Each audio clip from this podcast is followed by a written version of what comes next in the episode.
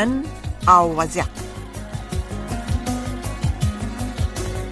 نن او وضعیت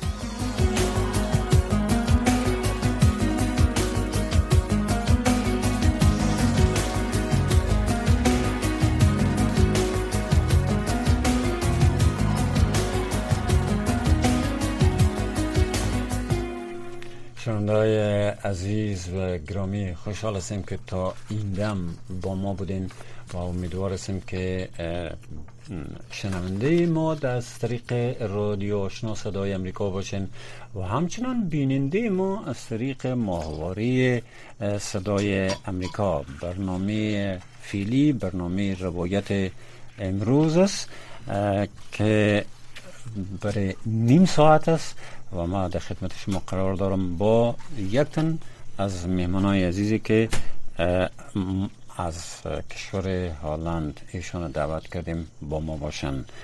در جناب احمد راتب فقیری مسئول فدراسیون اروپایی افغان ها با ما هستند تا در مورد وضعیت مهاجرین در اروپا صحبت بکنن و ای که چگونه با مشکلات که از طرف اتحادیه اروپا در مجموع وضع شده مقابله بکنن و تا چه حد می‌تونن مقابله بکنن؟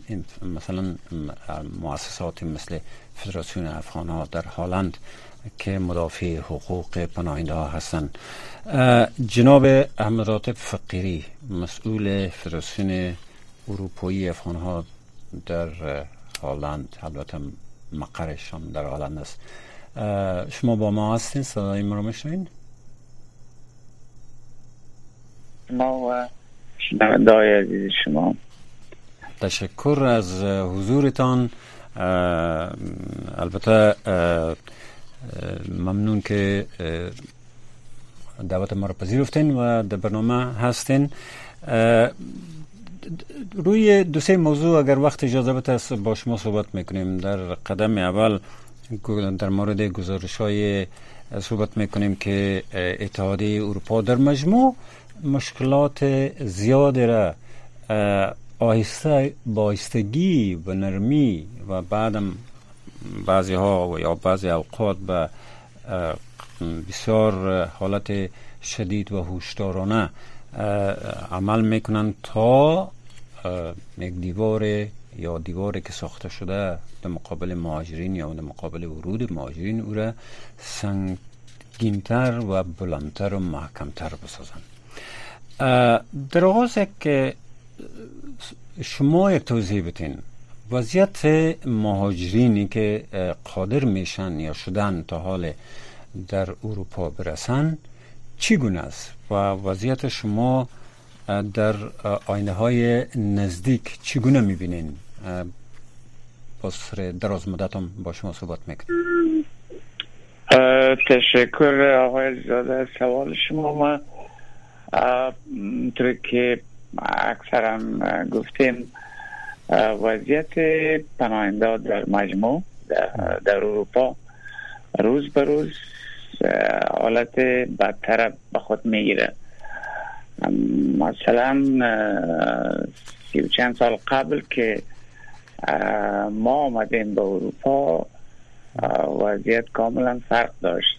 باعث میمان امرای ما برخورد می شد و ما در ظرف مدت کم تانستیم که قبول شویم خانه بگیریم و مشکلات اولی ما رفع شد البته مشکل بیگانگی احساس بیگانگی تا مدت های زیاد میمانه و امروز هم که سی چند سال گذشته از آمدن ما هنوزم ما هم خود مثلا از کشور آلند زندگی می‌کنم خود آلندی کامل اسم نمی‌کنم و آلندی ها هم هنوزم به چشم خارجی به طرف ما می‌بینن. ولوی که اسناد قانونی ما کاملا مثل اسناد دوناست ولی در برابر جامعه در برابر کلتور از اینا هنوز هم ما ما بیگانه تلقی میشیم و ولو که قدر کوشش کنه آدم که مشارکت داشته باشه به جامعه با وصف از هم کاملا پذیرفته نمیشه باعث از خود باعث باعث پناهنده باعث میمان باعث یک خارجی که مجبور شده اینجا بیاید به طرف پناهنده در مجموع می‌بینن. و ولی فعلا به تدریج شرایط بسر شده رفت. به تدریج شرایط قسم انکشاف کرد که ما جای بر مهاجر تنگ شده رفت. مهاجری که یا ببخشین دقیق تر بگویم بر پناهنده جای تنگ شده رفت. پناهنده که یک زمان برای پناهنده احترام می‌شد. حالا دیگه او چیز وجود نداره. حال پناهنده مثلا در می کشور هالند سال گذشته هم همونطور بود. امسال هم شده که مرکز ثبت نام در داخل تعمیر برشان جای نیست. اونا رو جای دیگه هم انتقال نمیتن و چند روز میمانند. خیمه های که به خودشان در خود جور می‌کنن و, و یا از طرف مصد کمکی سلیب سخ اینا برشان داده میشه. در سرک میمانن تا زمانی که برشان داخل داخل یک تعمیر جای داده شوند. بله. زینیت ها هم در مورد پناهنده کاملا تغییر به طرف منفی رفته. فکر می‌کنم که اینا میاین برای که در جستجوی خوشبختی هستن. اینا در جستجوی امنیت نیستن. می‌خواین که با استفاده از تحصیلاتی که در کشورهای ما اینا خود به یک جای برسانن و به یک گوشه هم بر خود خلق کنن. متاسفانه در قسمت یک تعداد از پناهنده و پناهجویا صدقم می‌کنه ولی یک قسمت زیاد دیگه عمل که واقعا به جستجوی امنیت کشور خود مجبور به شدن ترک بکنن بله. و به اروپا بله. آمدن که این مشکلات از اینا رو هم کسی نمی‌تونه ببینه در چهرهشان خوانده نمیشه و جزیات گذشته و مشکلات کسی هم مردم شهر و بازار بله. خبر ندارن ولی دولت هالند که خبر هم داره یا دولت های دیگه اروپایی ما از طریق فدراسیون سازمان های پناهندگان افغان در اروپا با کشورهای مختلف اروپایی در تماس هستیم بله. ارگان ها یا نهادهای عضو ما در یک کشورها بله. در یک کشورها این سختر شده بله. وضع سختر شده. یک ولی اگر اگر جناب فقیه صاحب با معذرت کردم شما رو قطع کردم. اگر از هر دو جانب فکر کنیم از جانب حکومات اروپایی یا در مجموع اروپا حکوماتش که اگر منحصر بانیم به اروپا و از جانب دیگه پناهنده. پناهنده حقوق دارن حقوقشان در قوانین مختلف از سال 1961 به بعد با توافقنامه های مختلف حفظ شده و تاکید هم شده. در عین زمان بنابر حجوم پناهنده ها بنا که عامل اصلیش البته اقتصادی نبوده ولی جنگ های خونین بوده. مثلا اگر افغانستان مثال بگیریم. در افغانستان از سالها به این طرف از سال 78 به این طرف جنگ روان است.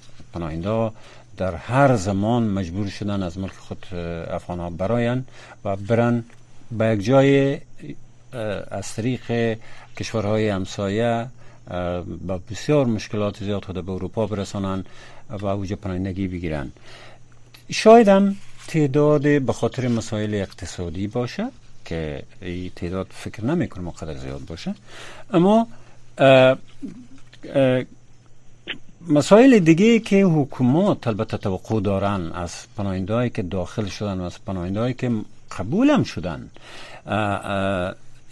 ایست که زبان یاد بگیرن. زبان خو یک چیز واضح است. گره کشای تمام مشکلات پناهنده هستند در هر کشوری که میان در هر کشوری که میرن مثلا مطابقت کردن با شرایط عینی جامعه مثلا وقتی که زبان یاد گرفتین یک نام گرفتیم شما کار باید بپالین یا درس بخونین که یک رشته که شما دارین کار نمیفین یک رشته دیگه بخونین.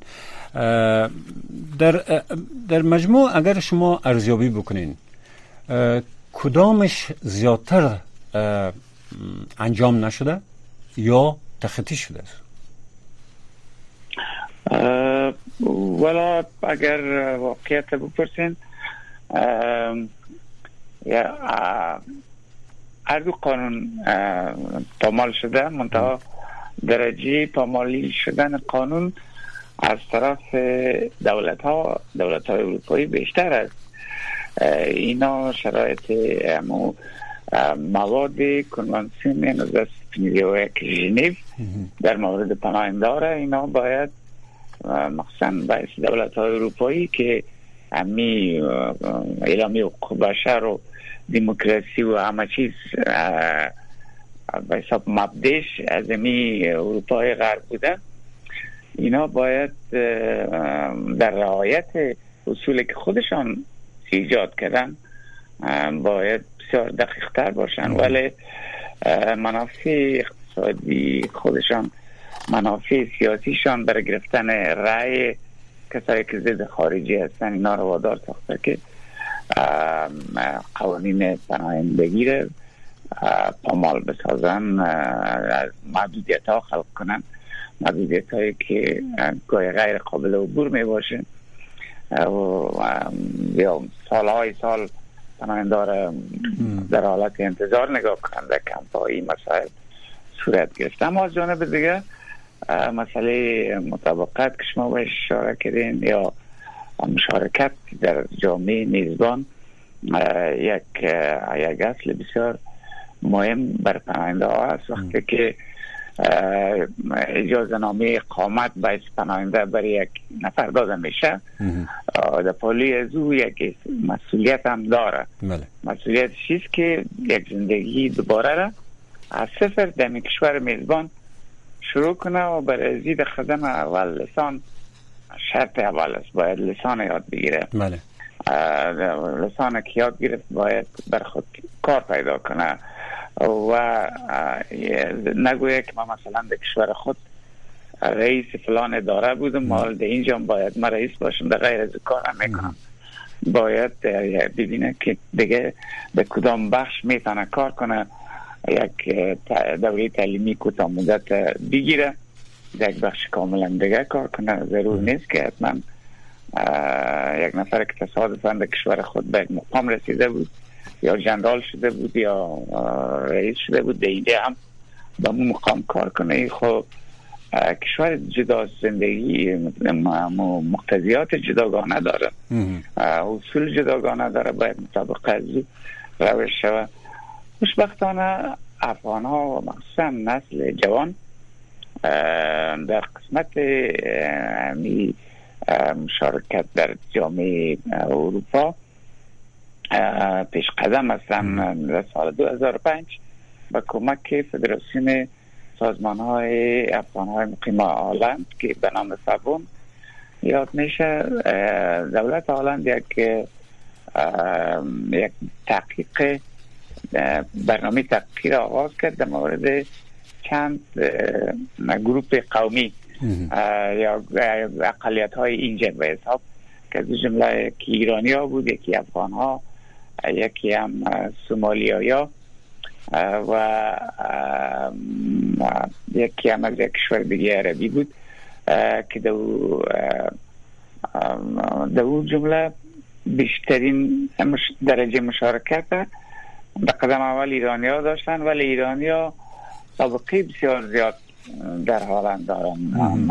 سالهای زمانی که در افغانستان کاملا سال بود و هیچ کس حاضر نبود کشور خود سر کنه.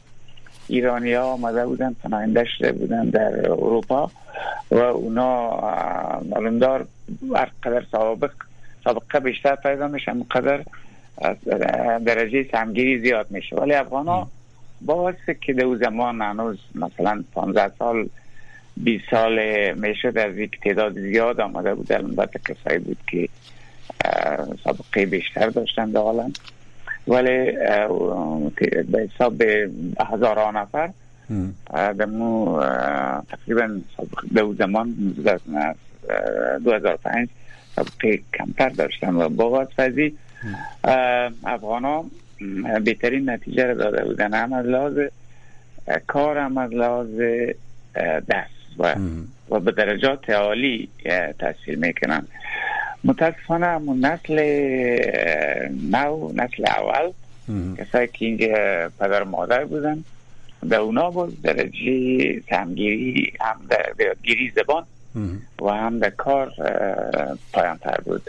و او علت شموز که بیشتر هم گفتم بعضی می‌خواهند که اگر کار برم باید ما کار کنم باید دمو ساعتی که ما در کشور خود کار می‌کنم به اینجا بله. باید برم کار داده شود بله. این ممکن است بله.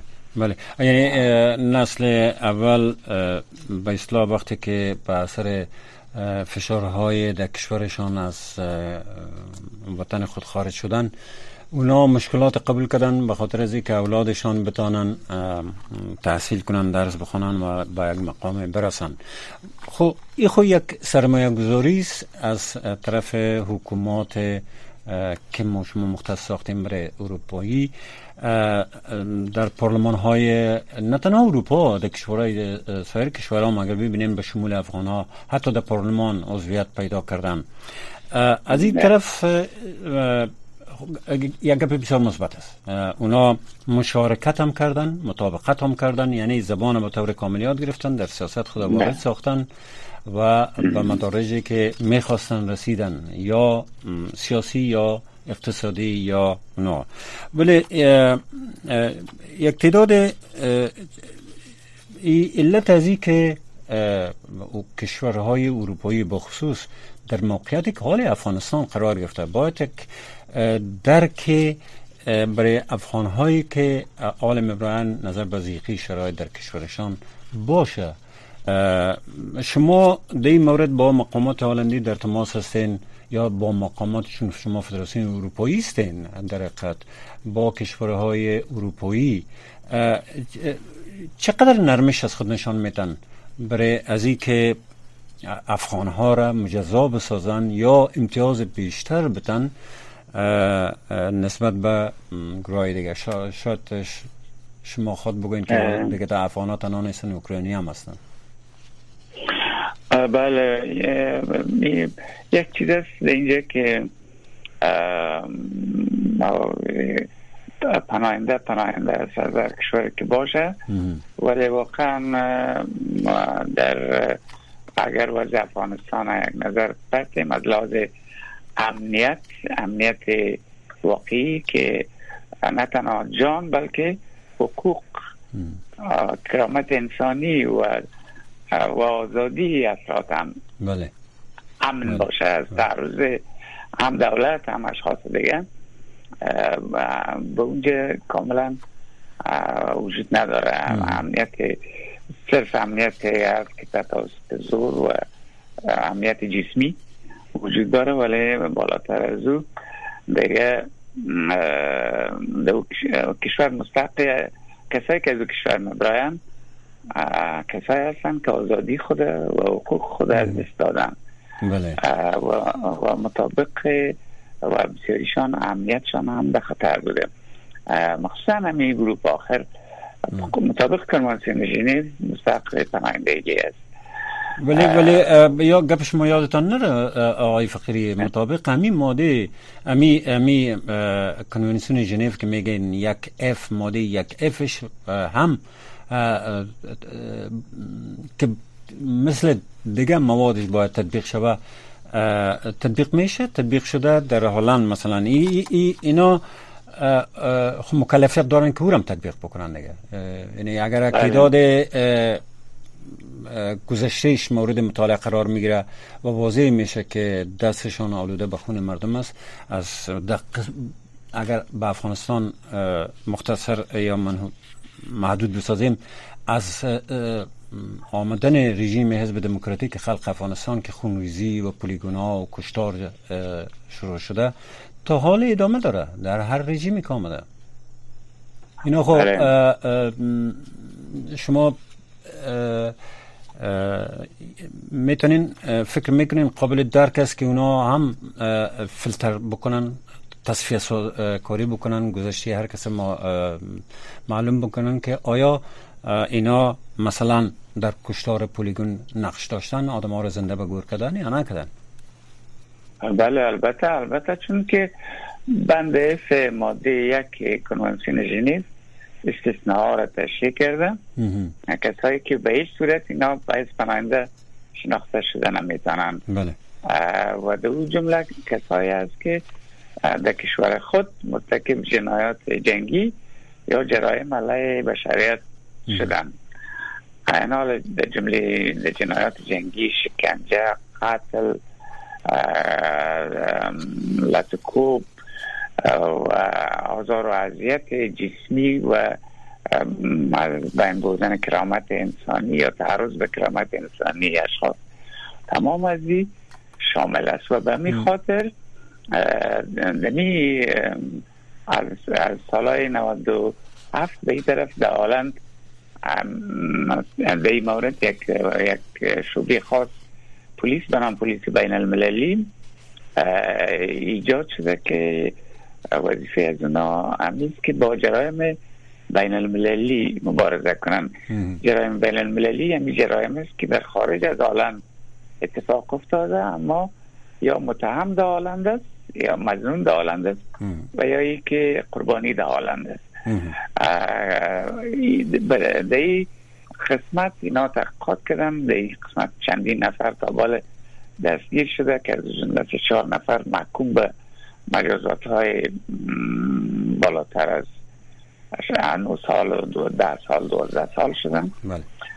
و این سلسله محدود به کشور آلند نمانده. هفت کشور دیگه اروپایی به شمول آلمان و سویدن اینا کشور که افغان ها اشتیاطر است در این کشور شعبات پلیس بین المللی ایجاد شده تا پناهنده را که مزنون هستند به ارتکاب جنایات جنگی اینا مشخص بسازن مورد تعقیب قرار بتن و در صورتی که دلایل محکمه پسند در موردشان جمع آوری کرده بتانن اونا رو به محکمه بکشنن. و خوشبختانه این چیز وجود داره در غیر از او بین پناهنده واقعی یا پناهجوی که واقعا قربانی است. بله. بین قربانی و کسی که خود قربانی جلوه میته اما دستش به, به خون مردم آلوده است. بله. مرتکب جنایات جنگی در کشور خود شده. باز بگه هیچ تفاوت موجود نمی‌شد. و و کنوانسیون ژنو همین چیزا در سال 1951 پیش بینی کرده بود و خوشبختانه که چیز وجود داره. نه تنها از افغانستان بلکه از سوریه از کشورهای دیگه از عراق از کشورهای افریقایی. کسایی هستن که دستگیر شدن و چی شدن محکوم به مجازات شدن به خاطر جرایم که در کشورهای خود مرتکب شده بودن. بله ای هم تطبیق میشه. بله.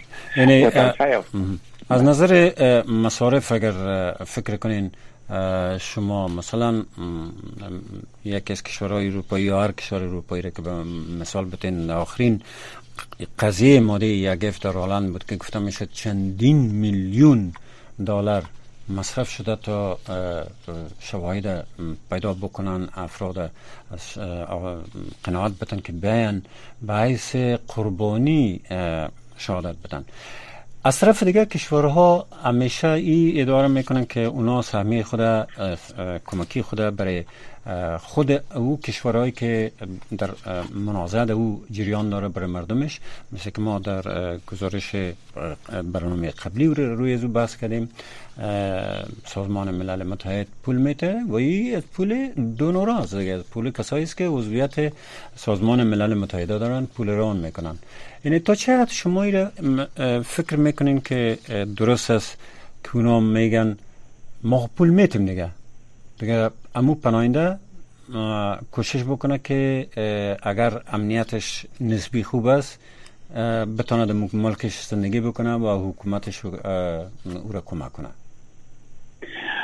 خب والا مسئله پول تنها برای اول خواهمی پول که میتن کافی نیست. ولوی که همون هم تنانده اقتصادی هم که از بیکاری کشور خود ترک میتن.